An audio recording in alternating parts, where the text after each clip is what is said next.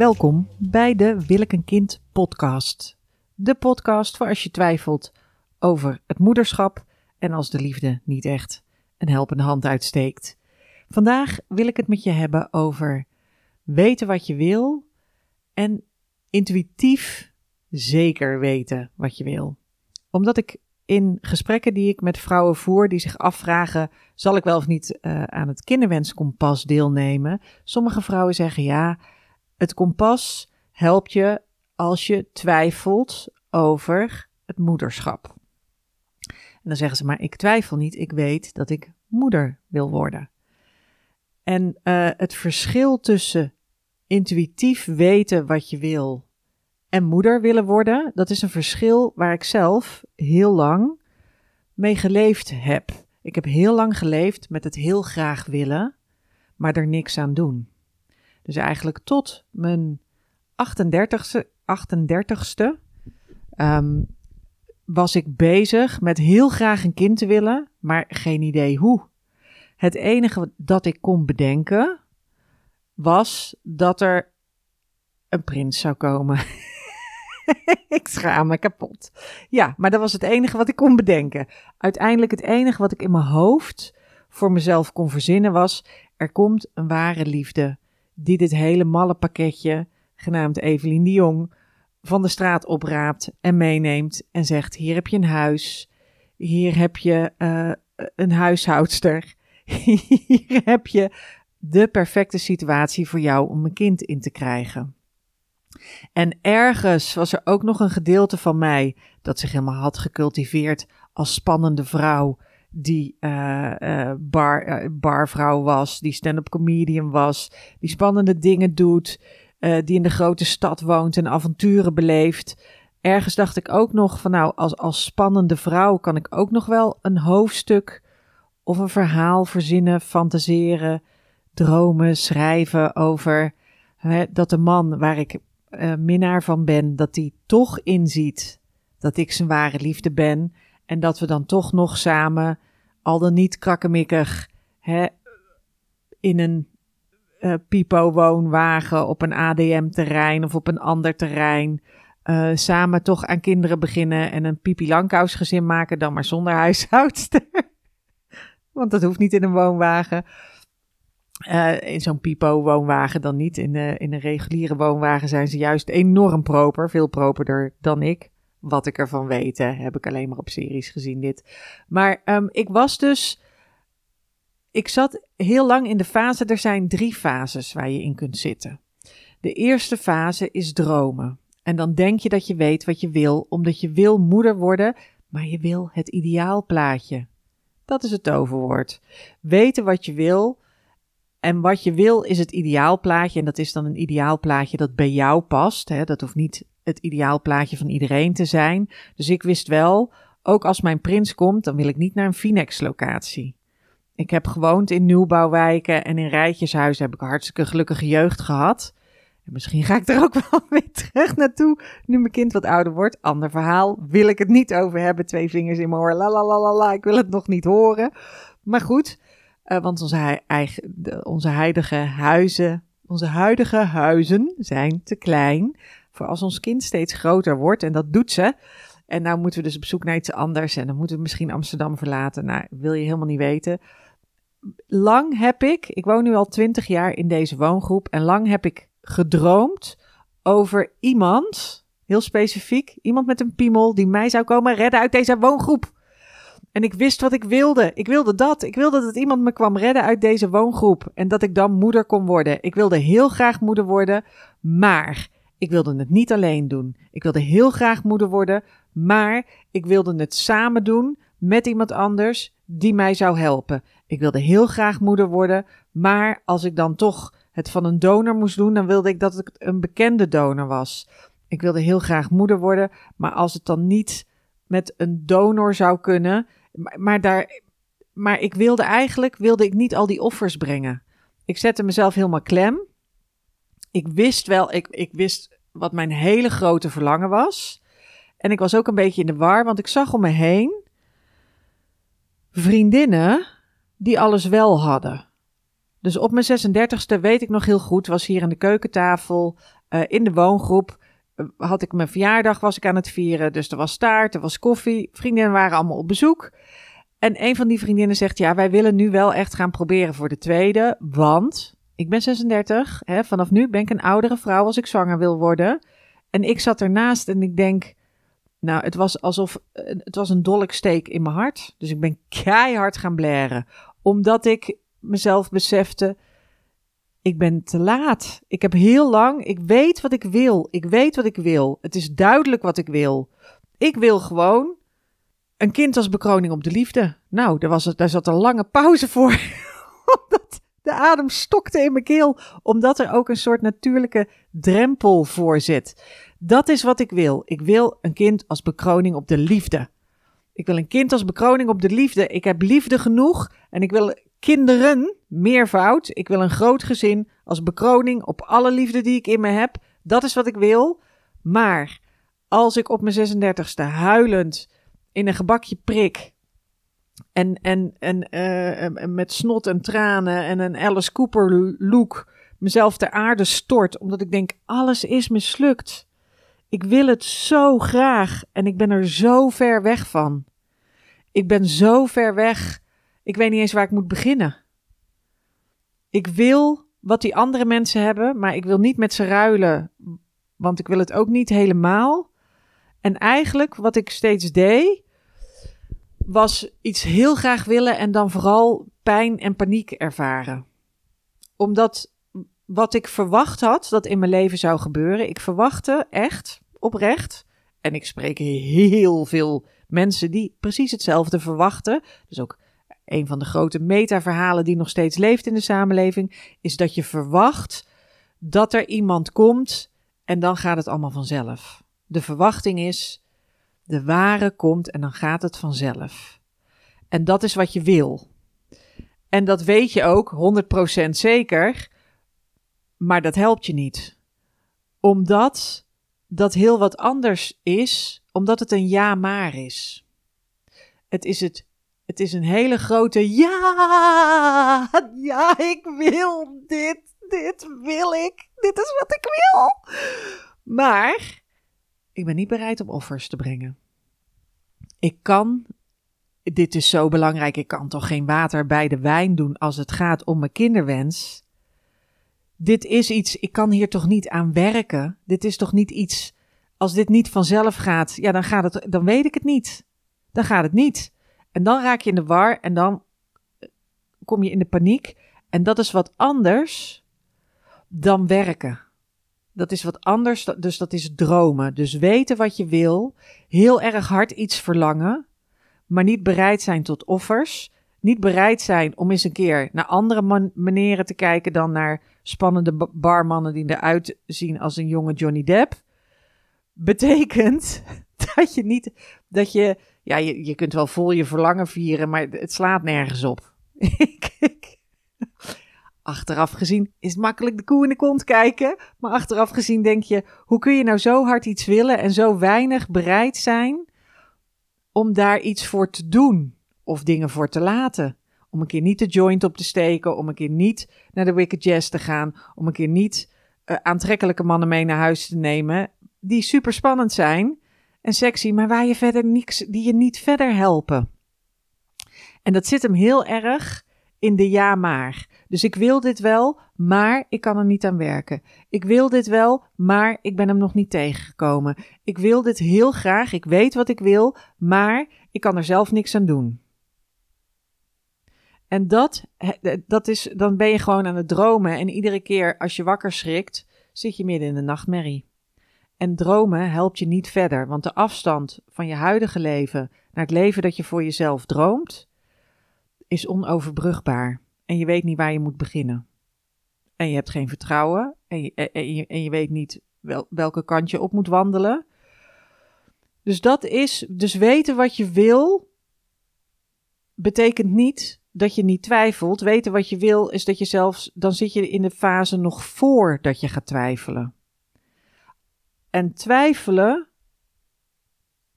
betekent dat je bezig bent met intuïtief te voelen wat je wil als je niet alles krijgt wat je verlangt. Als de droom niet op tafel ligt, maar als je moet voelen welke offers je bereid bent te brengen. Dat is intuïtief weten, is dat voelen. En het, en het kernwoord voor mij bij intuïtief weten is fundament. Het is een fundament waarop je je telken malen, hè, ik word er helemaal archaïs van, waarop je, het is een fundament waarop je je steeds weer kan baseren.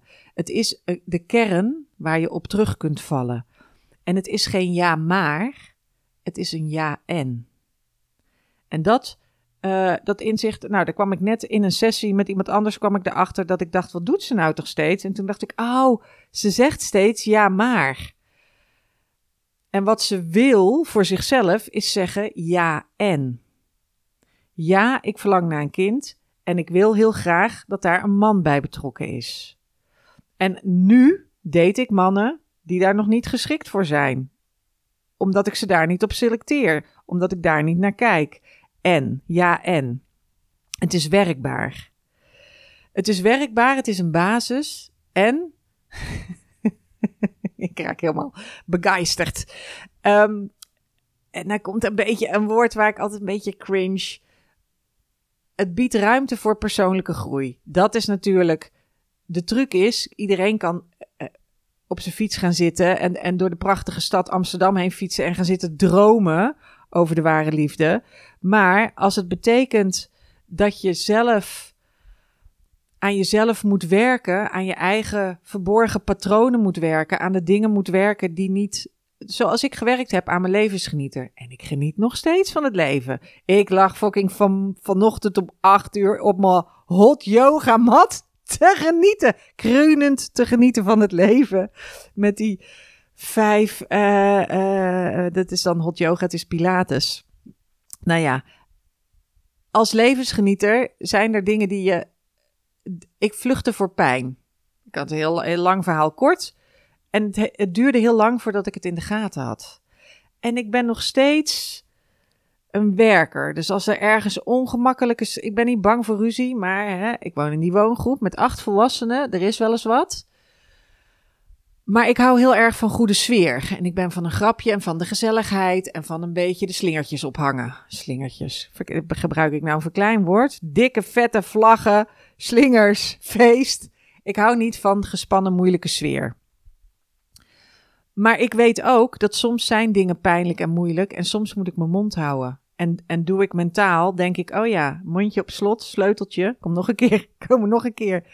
Twee verkleinwoorden, sleuteltje over het schoudertje. Even stil zijn, Evelien. Even niks zeggen. Even achteraan in de rij gaan zitten en kijken wat de rest doet. En niet dat um, patroon van gaan zitten werken en zorgen dat de sfeer goed blijft, terwijl er eigenlijk een probleem op tafel ligt en de sfeer helemaal niet goed is. Dus op dit moment hebben wij een gaskachelprobleem in onze woongroep. Wij wonen nog met gaskachels en uh, er is een gaslek. En dus moeten we nu besluiten wat we gaan doen als woongroep, als geheel, qua nieuwe verwarmingsmethode. Nou, daar, dat is dus, niet iedereen staat daar hetzelfde in. Sommige mensen zijn van de geitenwolle sokken en de dikke truien. En anderen zeggen, overal straalkachels, centrale verwarming. Van eerder nog vandaag dan morgen, we, we gooien er een grote klad geld tegenaan en we lossen het op.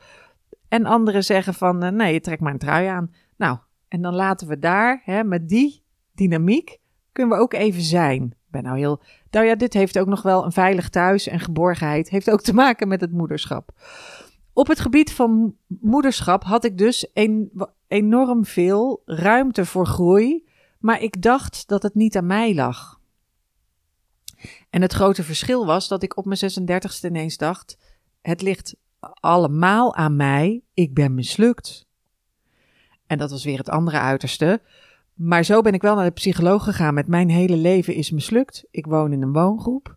Ik heb geen uh, stabiel inkomen. Ik heb geen vaste vriend.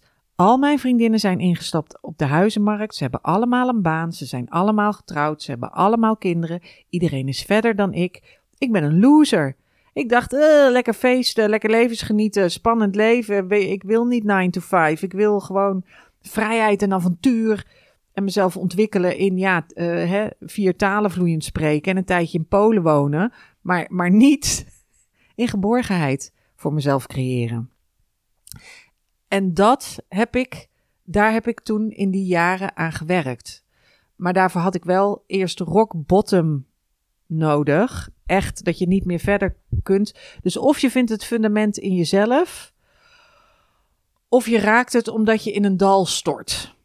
En ik wil het liefst voorkomen dat je in een dal stort, want dat is alleen maar heel verdrietig.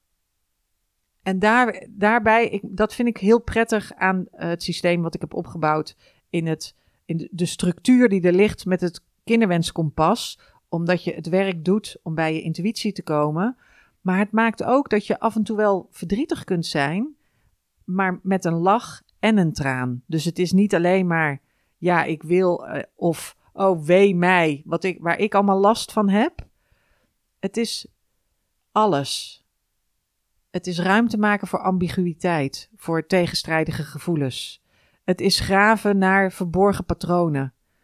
Wat je moeder je heeft aangedaan, wat je vader je heeft aangedaan, wat hun vaders en moeders hen hebben aangedaan, waarvan jij bang bent dat je je kind misschien zal aandoen. En dat zijn allemaal geen grote dingen. Ik ben toch perfect gelukkig opgegroeid. En ik heb een fantastische moeder. En, en mijn moeders moeder was fantastisch. En die hele, het hele genogram. Maar ik kan ook de scheve schaatsen zien. En, en het drankgebruik. En de dingetjes waarvan je zegt: Nou, hè, zullen we niet alle vuile was buiten ophangen? For all to see. Maar er zijn altijd dingen, er gaan altijd dingen mis. Het leven is nou eenmaal rommelig. En, en, en er wordt gekrast in de marge. En er worden dingen onderstreept en doorgehaald. En, en er zitten passages en alinea's bij die wat moeilijker te verstouwen zijn. Dat hoort erbij. Anders dan wil je het toch helemaal niet lezen. Dan is het toch helemaal niet interessant. Maar goed, wat belangrijk is bij dat intuïtief zeker weten, is dat je bijvoorbeeld begrijpt dat je alleen maar ja tegen iets kunt zeggen door nee te zeggen tegen andere dingen. Dus je kunt alleen maar ja zeggen tegen het moederschap en tegen geborgenheid en een thuis voor jezelf maken als je nee zegt tegen altijd op reis zijn. Of geen vast honk hebben. Of niet investeren in um, duurzame mogelijkheden die je zelf maakt. Dus ik woon nu, twintig jaar later, nog steeds in mijn woongroep. Maar in de plaats van dat het, ja, maar ik kan geen kind krijgen in de woongroep is, is het, ja, ik kan wel een kind krijgen in de woongroep en dan zal ik dingen aan moeten passen. En dan zal ik een hoogslaper moeten bouwen. En dan zal ik dus huisgenoten moeten hebben die het oké vinden dat ik hier een kind krijg. En dan zal ik dus, als nu de huisgenoten die er nu wonen, daar allemaal oké mee zijn, dan zal ik huisgenoten die komen hospiteren, die zal ik dan vragen: wat vind je van kinderen? en dat zal ik ook eh, een belangrijk punt vinden. Maar ja zeggen kun je alleen maar doen door nee te zeggen tegen andere dingen. Dus vraag jezelf af: welke offers ben ik bereid te maken om dat wat ik graag wil te bereiken? En ben ik bereid om ruimte te bieden aan twijfel? Want juist als je dus intuïtief werk doet, is er eerst ruimte voor twijfel. Intuïtief betekent voelen, aftasten. Ehm, het, is een, het is een automatisch. Ik vind het lastig onder woorden te brengen, omdat ik helemaal niet hou. Ik ben helemaal niet heel zweverig of heel. Ik mediteer wel wat en ik, doe de hot pilates. Maar dat is heel, heel concreet buikspieroefeningen. Maar ik ben niet. In die zin niet heel spiritueel. Alhoewel ik daar steeds meer ook ehm, wel, wel ruimte voor maak. Maar ik vind, toch, ik vind het lastig. Ik hou meer van wetenschappelijk bewezen en logisch. maar dat betekent niet dat ik niet kan voelen. Ik kan voelen wat er belangrijk is voor mij. En dat is trouwens wat intuïtie. Intuïtie betekent dat er ruimte is voor twijfel. En de twijfel toont aan dat iets belangrijk voor je is. Heel veel vrouwen denken van ja, maar als ik twijfel, dan zal ik ongeschikt zijn. Want wie twijfelt er nou aan het moederschap? Dan ben je toch al ongeschikt gewoon omdat je af en toe twijfelt. Dus ze gaan twijfelen aan hun eigen verlangen omdat ze omdat ze aan het twijfelen zijn. Dus de twijfel wordt een soort twijfel in het kwadraat, omdat ze denken: ja, ik wil het wel, maar ik wil het niet zo. Wil ik het dan wel echt? En als ik, als ik me afvraag of dat ik het wel echt wil, zijn er wel moeders die zich echt afvragen of dat ze het wel echt willen. Als je, als je je dat afvraagt, dan ben je toch niet echt een moeder? Nee. Nee, juist als je daar al die vragen stelt en daar in je hoofd zo mee bezig bent en als die ruimte voor twijfel er is, dan betekent dat dat je niet langer in de onderste fase zit van dromen over je kinderwens en dromen over een oplossing en helemaal niet bereid zijn tot offers en niet bereid zijn tot werken. Het betekent, twijfel betekent dat je een fundament aan het zoeken bent dat je met je voet in het drijfzand aan het tappen bent van waar voel ik vaste grond? Welke kant wil ik op? Waar voel ik stevigheid? Waar in mij kan ik voelen van oké, ik wil niet alles opgeven en ik wil het niet helemaal alleen doen of ik wil het niet doen als het betekent dat ik veel minder geld zal hebben of als ik weg zal moeten gaan uh, uit uh, waar ik nu woon. Het betekent voelen. Het betekent voelen waar de kern zit eh, en op welk fundament. Wat is er belangrijk voor mij? En dat is wat dit, de twijfel toont je dat iets belangrijk voor je is. Twijfel betekent niet dat je ongeschikt bent. Het is belangrijk dat je dat, in ieder geval als je één ding meeneemt uit deze podcast, neem dat mee. Het is belangrijk dat je jezelf ruimte geeft om te twijfelen en dat je weet, die twijfel betekent alleen maar dat dit vraagstuk, deze wel of geen kind, wel of niet moeder worden vraag, heel belangrijk voor me is. Het zegt niets over of dat ik wel of niet geschikt ben om te kindvrij te leven of moeder te worden. En iets anders wat ook onder, ondergeschikt blijft in, bij veel mensen in de zoektocht, is dat ze heel erg bezig zijn met wat er. Met, met de beslissing van wil ik dit wel of niet. En heel weinig met wat er daarna komt. Dus heel weinig met. Wat betekent moederschap eigenlijk voor mij? Gewoon waar denk ik, wat, wat is mijn ervaring met het moederschap als dochter zelf? Wat heb ik ervaren? Wat heeft mijn moeder mij allemaal meegegeven, wat fantastisch is? En waar heb ik krasjes opgelopen? Of uh, levensgrote beschadigingen hè, en alles ertussenin. Maar hoe ben ik als dochter? Wat betekent mijn moeder voor, voor hoe ik als moeder zal zijn? Wat voor moeder wil ik zijn voor mijn kind? En als ik een kind zou krijgen, wat zou ik dan, hoe zou mijn kind mij zien en waar, waar zou ik mijn kind krasjes op laten lopen of beschadigen? En dat zijn vragen die. Het is goed om daar voor jezelf werk over te doen. Om te werken aan, je, aan wat moederschap diep, diep, diep van binnen voor jou betekent. Dus niet wat de samenleving ervan denkt, niet wat anderen ervan denken, niet wat je zus ervan denkt of je beste vriendin, jijzelf.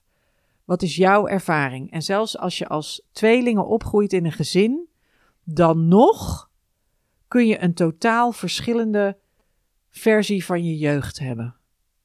Kun je totaal verschillende uh, kopingsmechanismen ontwikkelen op eenzelfde situatie. Ik ken een tweeling, een wat oudere tweeling, die een lastige vader uh, gehad hebben en die daar allebei heel verschillend mee omgaan. Dus de een is heel erg verzorgend en loyaal en loopt altijd te redderen, cijfert zichzelf helemaal weg. En de ander is juist um, heel defensief en assertief. En, uh, en, en, en eist juist heel veel ruimte op, omdat ze denkt dat ze anders die ruimte niet krijgt. En dus het is helemaal niet, uiteindelijk is het helemaal niet wat je ouders daadwerkelijk gedaan hebben, ook al in sommige gevallen hè, valt daar juridisch nog zelfs wel een zaak van uh, te maken. Uh, maar dan, dan zitten we in de verschrikkelijke uiteinden. Um, die ook maken overigens dat je kunt twijfelen aan of dat je dit wel echt wil. En of dat je hier geschikt voor bent, omdat je niet de ervaring hebt van hoe het is om gewoon uh, een vrolijke, luchtige, dat moederschap, een beetje zoals we het gepromoot zien, om, om dat mee te maken. Maar, en, en het, ik zeg steeds moederschap, maar het gaat ook over ouderschap, want wat is de rol van je vader? En ik weet nog, toen ik alles geprobeerd had om mijn kinderwens te verwezenlijken. Dus ik had ook gedate met uh, uh, homomannen. Ik uh, via meer dan gewenst. En One Wish was er toen nog niet. Ik had gedate met homo vrienden. Ik had een jeugdvriend gevraagd. En op een gegeven moment was ik er dus aan toe om een kind te krijgen van de spermabank. Met voor mij anoniem donorzaad. Wat het kind op de, zijn zestiende kan dan de donor leren kennen. En daar um, werd ik heel verdrietig van. Omdat de rol, de band met mijn eigen vader goed is. En omdat ik mijn eigen vader zo'n leuke, fijne man vind. En daarom was het zo confronterend om op de verjaardag van mijn vader, notabene, een collega van hem, die tegen mij zei: Goh, ik hoor dat jij een kind wil krijgen uh, van uh, de spermabank. Nou, dat zou ik wel uh, heel zielig vinden voor zo'n kind zonder vader. Je hebt toch zelf een leuke vader? Nou ja, dat was niet eens, hè, was niet, het was alleen maar een beschuldiging, een kwetsende beschuldiging van iemand die ik niet op zijn bek kon slaan, want bejaard en, uh, nou ja, vriend van de familie. Dus het, wat ik toen gedaan heb, is elegant afbuigen van, goh, hè, hoe heb je zelf het vaderschap ervaren en had je zelf een leuke vader en anders snel wegwezen? En vragen van, uh, is je vrouw nog zo ongelukkig? Nee, heb ik ook niet gezegd.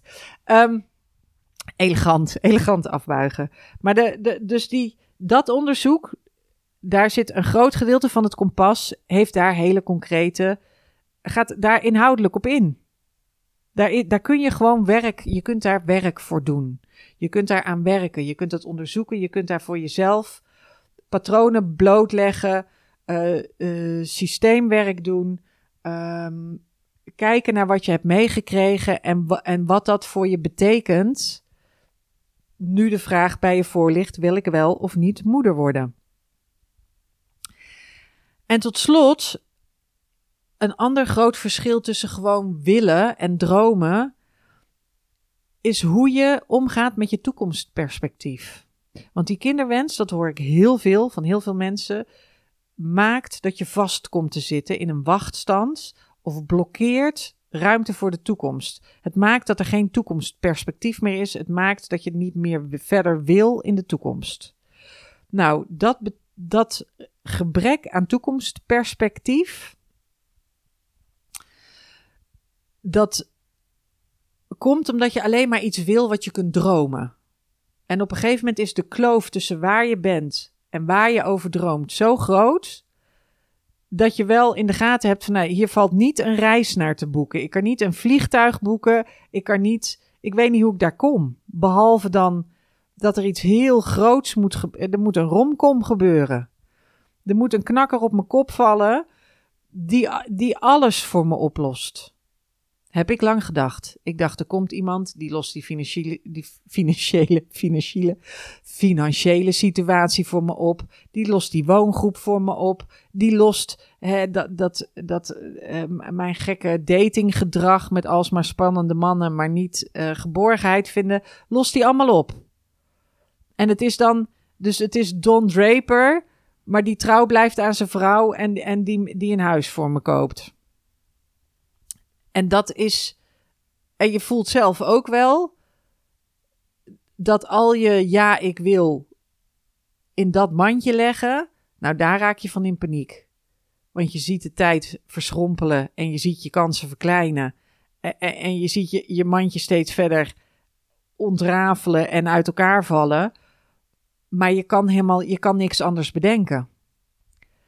Dus dat eigenlijk is het belangrijk dat je gaat van dingen willen naar kunnen werken aan de toekomst. En dat is dus dat je die hele grote sprong van waar ik nu ben naar waar ik uiteindelijk toe wil, dat je weet van ja, dit is de kant die ik op wil en dit is waar ik voel dat ik mijn volgende stap kan zetten. En nu ik hier sta, is, voel ik dat dit de volgende stap is waar ik naartoe kan. En wat daarvoor nodig is, hè, om dat voetje voor voetje te doen, en het grote, de, het geheime ingrediënt. Het geheime, het geheime ingrediënt is levenslust. je moet een beetje lol hebben in het proces. Er zijn dames die helemaal precies weten wat ze willen, die het kinderwenskompas doen, omdat ze het gewoon te verdrietig vinden. Het voelt te veel als verlies nemen. En dat gevoel, eh, dat het voelt als verlies nemen, daar heb ik kilometers dagboeken over volgeschreven. Over hoe zielig het was. Wee is mij, mijn pen door het papier gestoken, gekrast, gekrijst, omdat ik zo verdrietig werd van die, de onbereikbaarheid van het ideaal. Maar als je het kleiner maakt en werkbaarder maakt, dan kun je er weer een beetje lol in krijgen. En als je er een beetje lol, ook al is het druk, ook al jank je af en toe de pannen van het dak, mag ook allemaal. Maar dan tegelijkertijd, als je intuïtief voelt, ik werk aan het juiste besluit, dan heb je dus, dan kun je werken aan een toekomstperspectief en dan denk je, oh ja, maar dit is te doen. Dit is bereikbaar voor mij.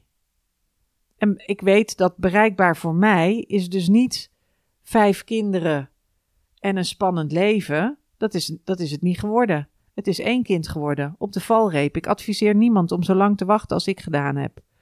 Op je, op je veertigste met maximaal hormonen spuiten, één eitje oogsten en via ICSI één kind krijgen. Dat adviseer ik helemaal niemand. Wees bereid om op tijd te twijfelen, te werken, contact te maken met je intuïtie en dan vooruit te gaan. En natuurlijk met een beetje plezier. Het moet ook een beetje, moet wel een beetje leuk blijven. Je hoeft, dat hoeft niet, je hoeft niet je vooruit te slepen. Hè? Af en toe nou, ben je eens boos en uh, schop je dingen omver of maak je eens wat kapot. En soms huppel je een eindje. En, en, krijg je de kriebels en krijg je een impuls en dat je denkt, oh, wauw, dit is leuk. Hier heb ik zin in. Dit, dit, misschien wordt dit hem wel. En, en soms denk je van, nee, nee, dit, dit ik zie het niet zitten, schiet mij maar lek. Nou, dus deze hele, dit is een extra podcast, uh, naar aanleiding van uh, wat vragen die ik kreeg van iemand die zei van, ja, maar ik weet toch wat ik wil. Ik weet wat ik wil. Maar dat is niet de vraag. Kun je voelen? Kun je voelen wat je wilt? Kun je een beetje intuïtief welke kant je op moet? En ben je dan bereid daaraan te werken? Ben je bereid om te werken in de plaats van te dromen? En als dat zo is, dan is zeker het kinderwenskompas wat voor jou. En daar vind je alles over op mijn website uh, willekenkind.nl slash groepstraject. En als je zegt, nou groepen, meteen de rillingen op mijn rug. Je kunt het ook individueel. Er zijn altijd mouwen om ergens aan te passen, maar je moet het graag genoeg willen. nou, ik ga nu wachten uh, uh, op mijn vriend die zojuist een sms'je stuurde met een booty call overdag.